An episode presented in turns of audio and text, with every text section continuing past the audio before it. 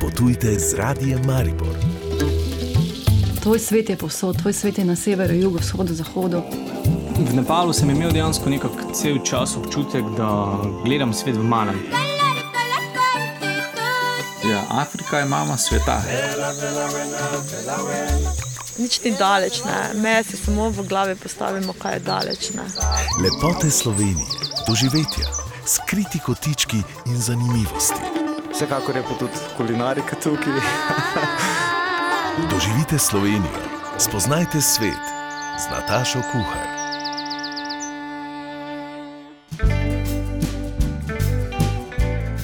Pozdravljeni in vabljeni k poslušanju sobotnih turističnih vsebin. Tokrat vas bomo popeljali po razstavi, s katero študenti treh slovenskih višjih strokovnih šol za gostinstvo in turizem opozarjajo na spregledane delavce v turizmu. Odpravili se bomo na Ptujski mestni vrh, ki v teh pomladnih dneh še posebej privablja obiskovalce. Nadaljujemo pa tudi niz prehodov po skritih kotičkih Maribora, tokrat bomo odkrivali pokopališča.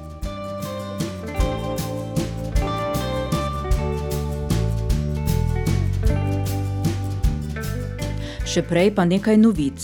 Javna agencija Spirit Slovenija je objavila razpis za dolgo pričakovano pomoč mikro, malim in srednje velikim podjetjem iz turistične, gostinske in kulturno-umetniške dejavnosti pri ponovnem zagonu. Podjetjem je na voljo nekaj manj kot 10 milijonov evrov. Rok za oddajo vlog je do vključno 22. aprila.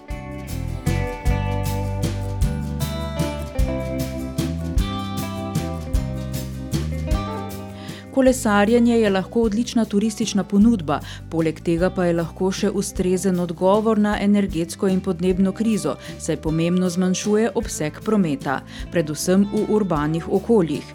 Pogoj, da bi Slovenija postala evropska kolesarska država, pa je urejena infrastruktura, so posebej poudarili na drugem kolesarskem kongresu v Ljubljani.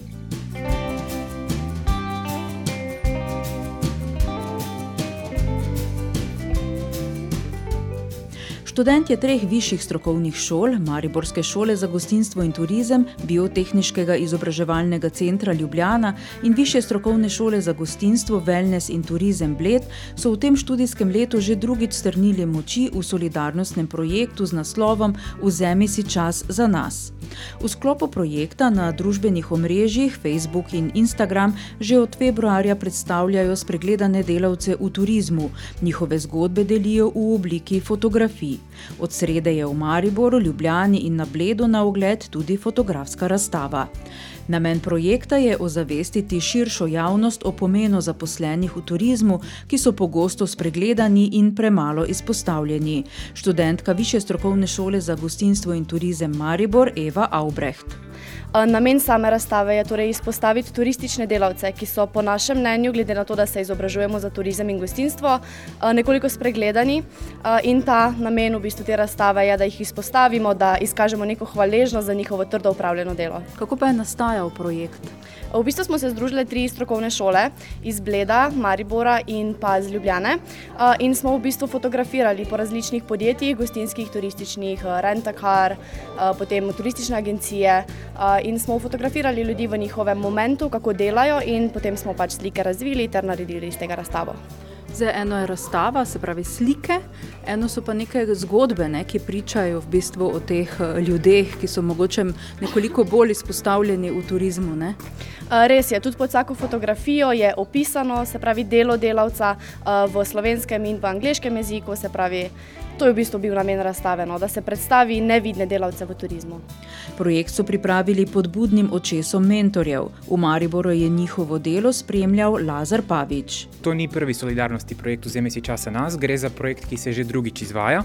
V prejšnjem letu je bil žal se moral izvajati v strnjeni obliki zaradi situacije, ki je bila s koronavirusom. In to leto smo se pač odločili iz tega, da izhajamo pač iz zadev, ki so aktualne.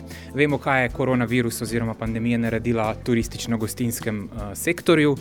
In smo ugotovili, da dejansko veliko delavcev, ki so zelo pomembni, so nekako ostali spregledani. Ravno zaradi tega smo razstavo poimenovali Nevidni delavci v turizmu. Kljub temu, da ti delavci niso nevidni, oni ravno delajo na teh mestih, ki so v direktnem stiku z gostom, s turistom. Ampak včasih, mogoče mi kot turisti na njih pozabimo, oziroma ne, eh, ne posvetimo dovolj pozornosti temu, kaj dejansko uh, oni delajo, kako pomembno delo dejansko oni upravljajo. In ravno zaradi tega uh, ideja je prišla uh, kot združitev treh strokovnih šol, torej Višja strokovna šola za gostinstvo in turizem Maribor, uh, BIC Ljubljana, Višja strokovna šola in Višja strokovna šola za gostinstvo, wellness in uh, turizem Bled. Najbrž je ta razstava tudi zato, da mladi vidijo, ne, kakšen je v bistvu poklic v gostinstvu in turizmu, da spoznajo prednosti in pa slabosti tega poklica. Ne ravno iz tega smo izhajali, da dejansko pokažemo neke pozitivne zgodbe, da fotografiramo uh, delavce v tem trenutku, ko opravljajo to njihovo pomembno delo in da ravno s temi fotografijami dejansko izkažemo hvaležnost za kakovostno opravljeno delo. Zdaj, če boste malo bolj podrobno pogledali našo razstavo, boste videli, da so delavci v barvi, vse ostalo ozadje je brez barve. Dejansko uh, igrali smo na to karto, da, da je uh, da barvo samemu turističnemu produktu oziroma turistični storitvi ravno da uh, delavec, ki kakovostno kakovostno upravlja delo. In ravno zaradi tega smo uh, delavce še bolj izpostavili. Seveda, razstava je samo zaključek projekta. Projekt, projekt je že trajal dva, uh, dva dobra meseca, torej uh, začeli smo konec januarja, fotografiranje je trajalo tudi uh, vse do včeraj, in uh, smo vse fotografije objavljali na uh, družbenih omrežjih Facebook uh, in Instagram. Tako da, če poiščete na Instagramu ali Facebooku, vzemi si čas za nas, boste videli še uh, ostale fotografije, ki jih danes žal nismo uspeli razstaviti. Razstavili smo samo 20 fotografij, eh, drugače jih je še veliko več in vabljeni k ogledu. Torej, razstava je v Mariboru na ogled v kulturnem inkubatorju na Koroški cesti. Dokdaj bo razstava odprta? Razstava na Koroški cesti bo odprta do 3. maja, potem se še fotografije selijo v Mladinski park in tam bodo torej na odprtem prostoru na voljo še do 20. maja. Tako da uljudno vabljeni eh, k ogledu razstave na eni ali na drugi lokaciji. Eh, vsak dan je možno narediti ogled do 18. Eh, ure. Lepote Slovenije, okusna doživetja, zanimivi ljudje. Potujte drugače. Potujte z radijem Maribor.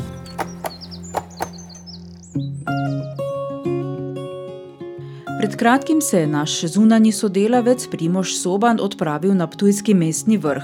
Ta obiskovalcem ponuja številne možnosti za kakovostno preživljanje prostega časa, kot sta okušanje žlahtne kapljice in razvajanje brbončic ob kulinaričnih dobrotah tamkajšnjih kmetij.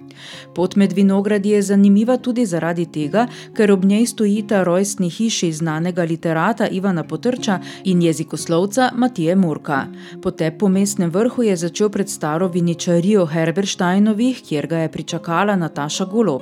Vprašal jo je, kaj ponujajo gostom. Skovalci lahko doživijo in vidijo življenje, kot je bilo nekoč, ker je hiša deloma ohranjena. Lahko tudi prespijo, ker je v zgornjem masadnem delu delu je urejena spalnica in eh, manjši apartma. Eh, je pa tudi možnost eh, raznih dogodkov, da pridejo sem. Radi bi tudi gostili še več kakšnih kulturnih dogodkov, kreativnih delavnic, pokušin vina. In, ja. Po tamkajšnjih poteh ga je vodil Aljoša Ciglar. Med drugim ga je vprašal, kakšne sorte vin je mogoče okušati v idiličnem okolju mestnega vrha. Vsekakor gre za tipično bel vinogrodni okolje, tako da večino vin eh, predstavljajo bele sorte.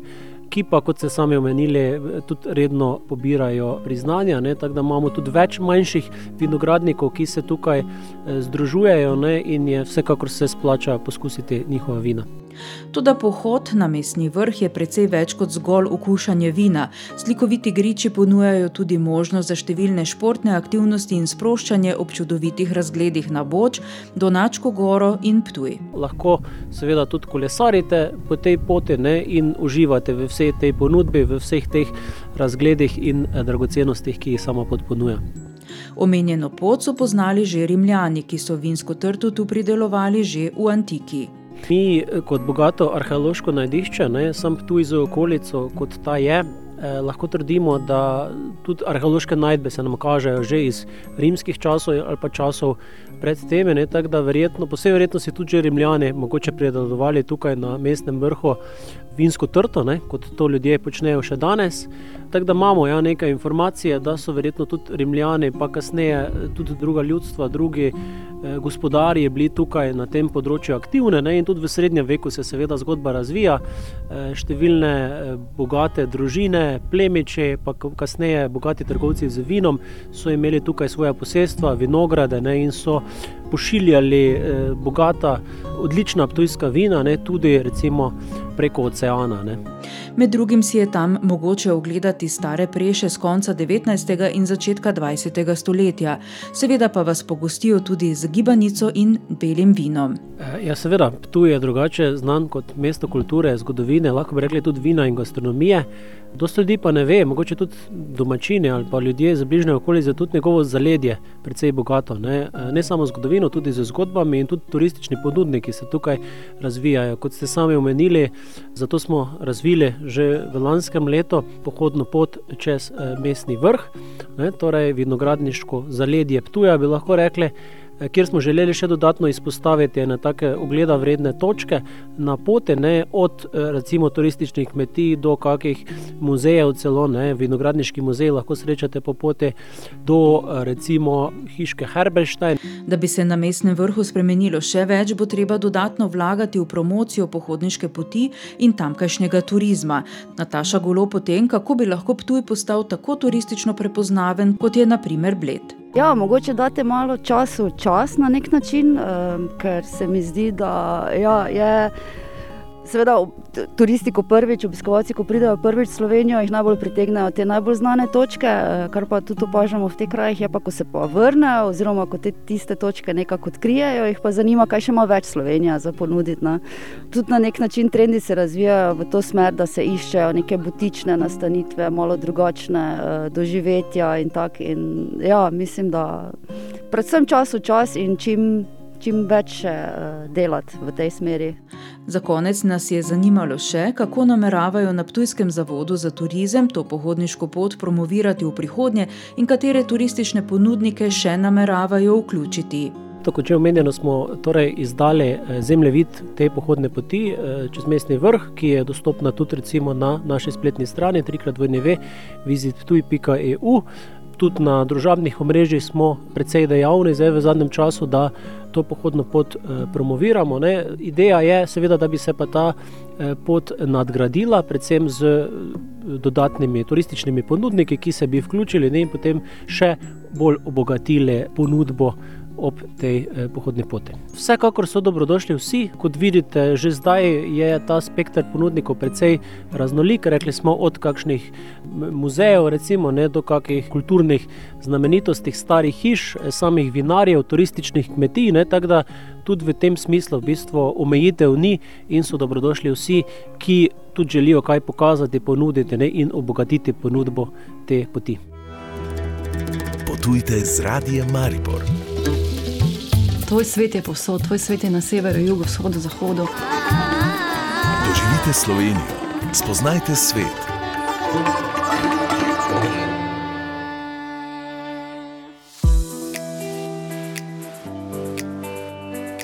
Zdaj je čas za odkrivanje novih zgodb, ki so nastale v okviru festivala sprehodov programa Rise Fiber. Tokrat se s prehajalcem Vidom Kmetičem odpravljamo na pokopališča, ki so neme priče časa, pomnik zgodovine, pa tudi odraz sprememb. Lahko rečemo, da je na pokopališčih zapisano življenje mesta. Na sprehodu po treh delih Mariborskega pobrežkega pokopališča boste spoznali tri zgodbe znanih, malo manj znanih in popolnoma neznanih ljudi, ki so svoj poslednji dom našli na Magdalenskem, mestnem in frančiškanskem pokopališču. Pokopališče na pobrežju je pravzaprav sestavljeno iz treh različnih pokopališč.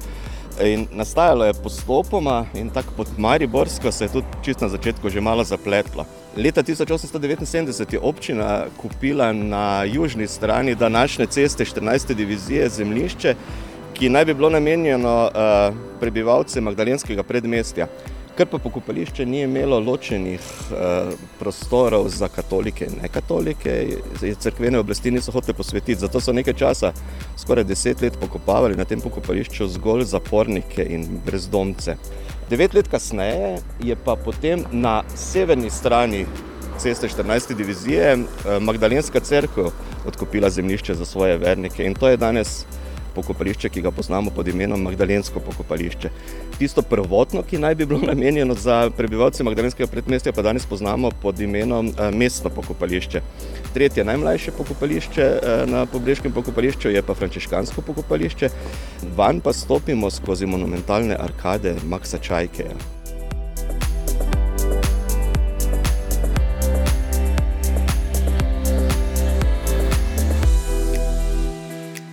O Augustu Kellneriču, ki je pokopan na Magdalenskem delu Pobrežkega pokopališča, v bistvu ne vemo nič, razen zadnje štiri dni njegovega življenja. Na cvetno nedeljo se je odpravil kopati vodnjak, tu nekje v bližini na pobrežju. In čeprav je bila nedelja, je kljub temu šel na delo, zaradi tega, ker je hotel dokončati delo, da bi do velike noči končal, da bi bil prost in da bi lahko preživel za svojo krušno materijo. Kopanje vodnjaka je bilo takrat izjemno nevarno in tudi njega je že parkrat zasulo. In tistega jutra se je zgodilo prav to. Ob šestih zjutraj se je nekje iz globine 8 metrov zaslišal krik in mladega Kelneriča je zasulo do vratu. Niso ga v bistvu sploh niso vedeli, kaj naj rešijo v tistem trenutku. Vse, kar so lahko naredili, je, da so mu dali en lesen zaboj na glavo, da ga ni zasulo še čez glavo. Potem se je začela rečevalna akcija, v njej so sodelovali pobrežki gasilci in pa tudi kaznici iz bližnje kaznilnice. Stvari so se pa lotili na precej diletantski način. Začeli so odkopavati oziroma kopati jarek, meter širok in 8 metrov globok jarek, da bi prišli do njega od spode in ga izvlekli ven.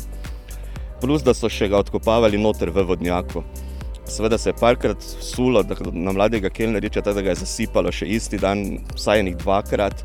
Delo pa so prekinili zaradi večernega mraka. Naslednje jutro so potem nadaljevali in ga imeli že skoraj ven, samo levo nogo še imel. In ko so ga začeli ven vlačiti, so ugotovili, da se mu je leva noga zagozla v en kalup za, za ulivanje tega oboka vodnjaka. In ko so ga vlekli ven, so mu skoraj utrgali nogo, kričal je in seveda so ga, so ga pustili na, na, nazaj dol in seveda ga potem spet zasulo. In to se je nadaljevalo, v bistvu tri dni in tri noči, večkrat ga je zasulo, so ga skoraj imeli ven, seveda je mladi Kelnerič trpel neznosne bolečine. Lahko si kar predstavljamo, kako je to, če zemlja z vseh strani pritiska na tebe. K njemu se je spuščal večkrat doktor, da mu je dal kakšne vredno morfi takrat, pa nekaj malega so mu dali tudi za pit in za jesti. On pa je ali padal nezavest od bolečin, ali pa je kričal, naj ga kar ubijajo, ker ne more več trpeti. Nažalost se je potem četrti dan zjutraj točno to zgodilo. Ob 9. uri in 45 minut je zdravnik ugotovil, da je mladi Kelnarič žal umrl. Ti reševalci, ki so ga poskušali odkopati, so nadaljevali z delom s stisnjenimi zobmi, več ali manj malo za ipiko tudi, ker so hoteli ga odkopati vse njegovo truplo, da ima vse dostojen pogreb. In to jim je uspelo šele v petek, se pravi po šestih dneh, po petih dnevih, šestih dnevih, odkar ga je zasulo. Pokopali so ga na velikonočno soboto, govor na pogrebu je imel ravnatelj bližnje pobrežke osnovne šole, zbralo se je nekaj tisoč ljudi, takrat igrala je Hutrova godba, predvsem pa napis na nagrobniku v bistvu pove točno to, kar so takrat Mariborčani čutili. Obtožujem August Kelnerič, studeniški pomočnik, potomcem v spomin, sodobnikom v opomin.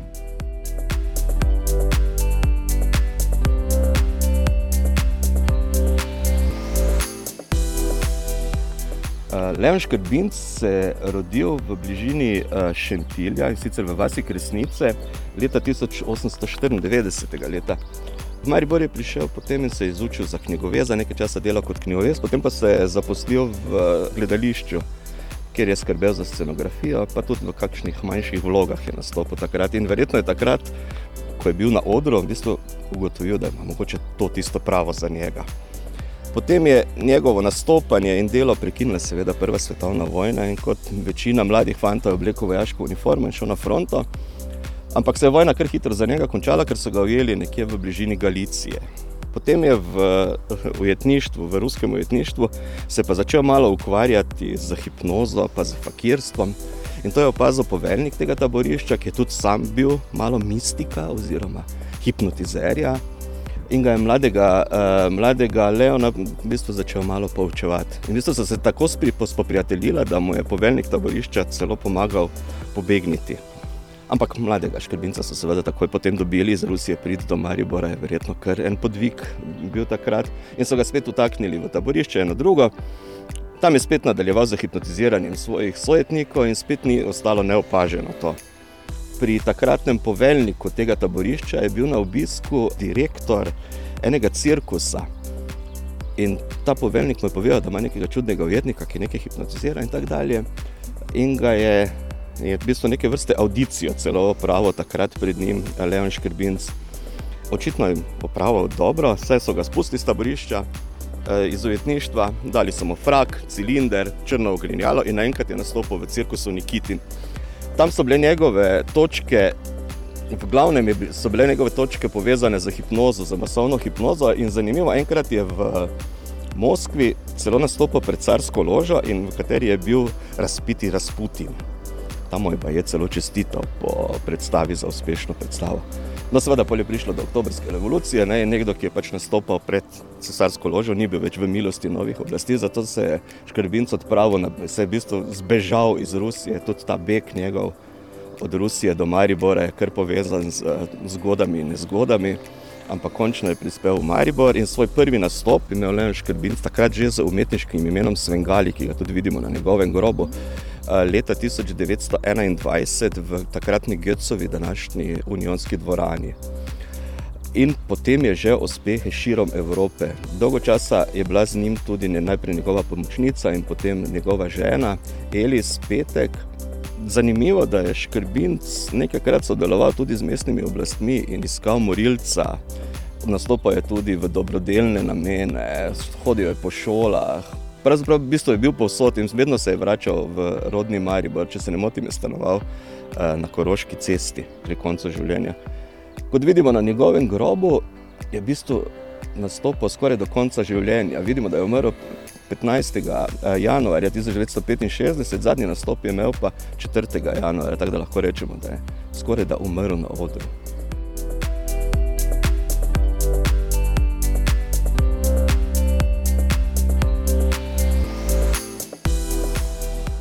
Pravzaprav, ko govorimo o Herti Haas, je mogoče delamo krivico, ker jo poznamo samo po tistih nekaj burnih letih z Titom in zakonom s Titom in a, kot mater njunega sina Mišota.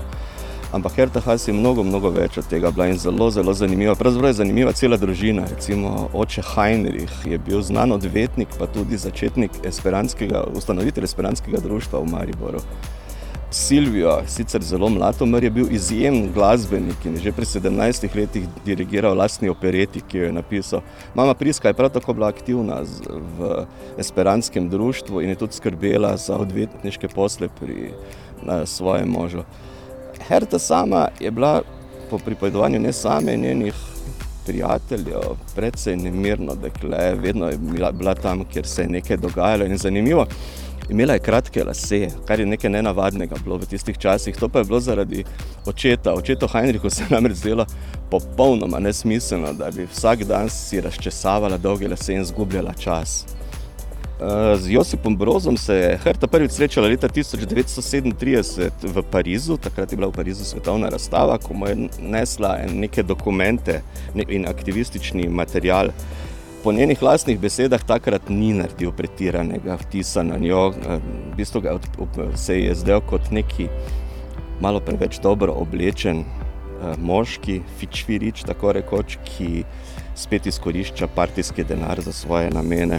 Ampak očitno je iskrica preskočila med njima, ker že naslednjič, ko sta se videla, sta si padla v objem in za takrat je pravi Herta, da je vedela, da poti več ni nazaj. Živela sta v Zagrebu pod izmišljenima imenama in sicer kot Marija Šarič in inženir Slavko Babič. Ona je takrat dokončevala študij ekonomije in v tistih časih je tudi zanosila in rodil se jim je uh, sin Mišo. Pravzaprav se je rodil dan potem, ko je Tito moral zapustiti Zagreb, namreč takrat se je zaradi voljo uh, nezavisne države Hrvatske so se meje zaprle in je moral v bistvu pravočasno še pobegniti v Beograd. Ona pa je v bistvu visoko noseča še takoj potem, ko ga je pospremila uh, na vlak, v bistvu šla v bolnico in je tam rodila Mišota. Z sinom Mišom sta se potem v Zagrebu skrivala v uh, stanovanju Vladimirja Velebita, ampak kljub temu so jo, so jo ustaške oblasti ujele in jo zaprle. V zaporu je hotela nekajkrat celo narediti samomor, bila je pa celo predvidena, da jo strelijo kot talko. In čisto na ključe je bilo, da se to ni zgodilo, ker zaradi snega oziroma snežnega meteža takrat ni prišel tovrnjak, ki naj bi jih odpeljal na morišče. Po nekaj mesecih ujetništva pa so jo zamenjali, kot je bila izmenjava, se pravi, eh, aktivistične ujetnike z, usta, z ujetimi ustaši.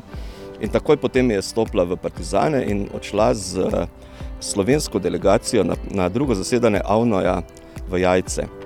Tita je takrat po dolgem času videla, samo se je zdel nekaj, nekaj malega že hladen, kasneje pa je ugotovila, v bistvu, da je že imel novo žensko. Ne? To je bila njegova tajnica, Davorjanka Paunovič, eh, imenovana z partizanskim imenom Zdenka. Tito je bojda takrat rekel, da se, pa, da se lahko pravzaprav vsi trije skupaj, da pač, pač se naj oni, med sabo, oni dve med sabo zmenita. Ne?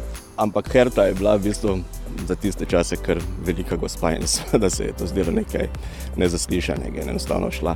Titova uh, nova, že nova priležnica, če lahko temu rečemo, Davorjanka je takoj po vojni umrla za tuberkulozo in takrat naj bi Tito Herti pisal eno pismo, da naj se vrne k njemu in iz tistega časa je tudi um, ena uh, legenda, urban, lahko rečemo legenda, ja, ki pa jo je eh, sama Herta nikoli ni potrdila, v bistvu je tako na pol zanikala, ampak naj bi šlo tako, da ko je prebrala to pismo, mu je Tito odgovorila samo z, stav, z enim stavkom: Herta Has pred moškim kliči samo enkrat.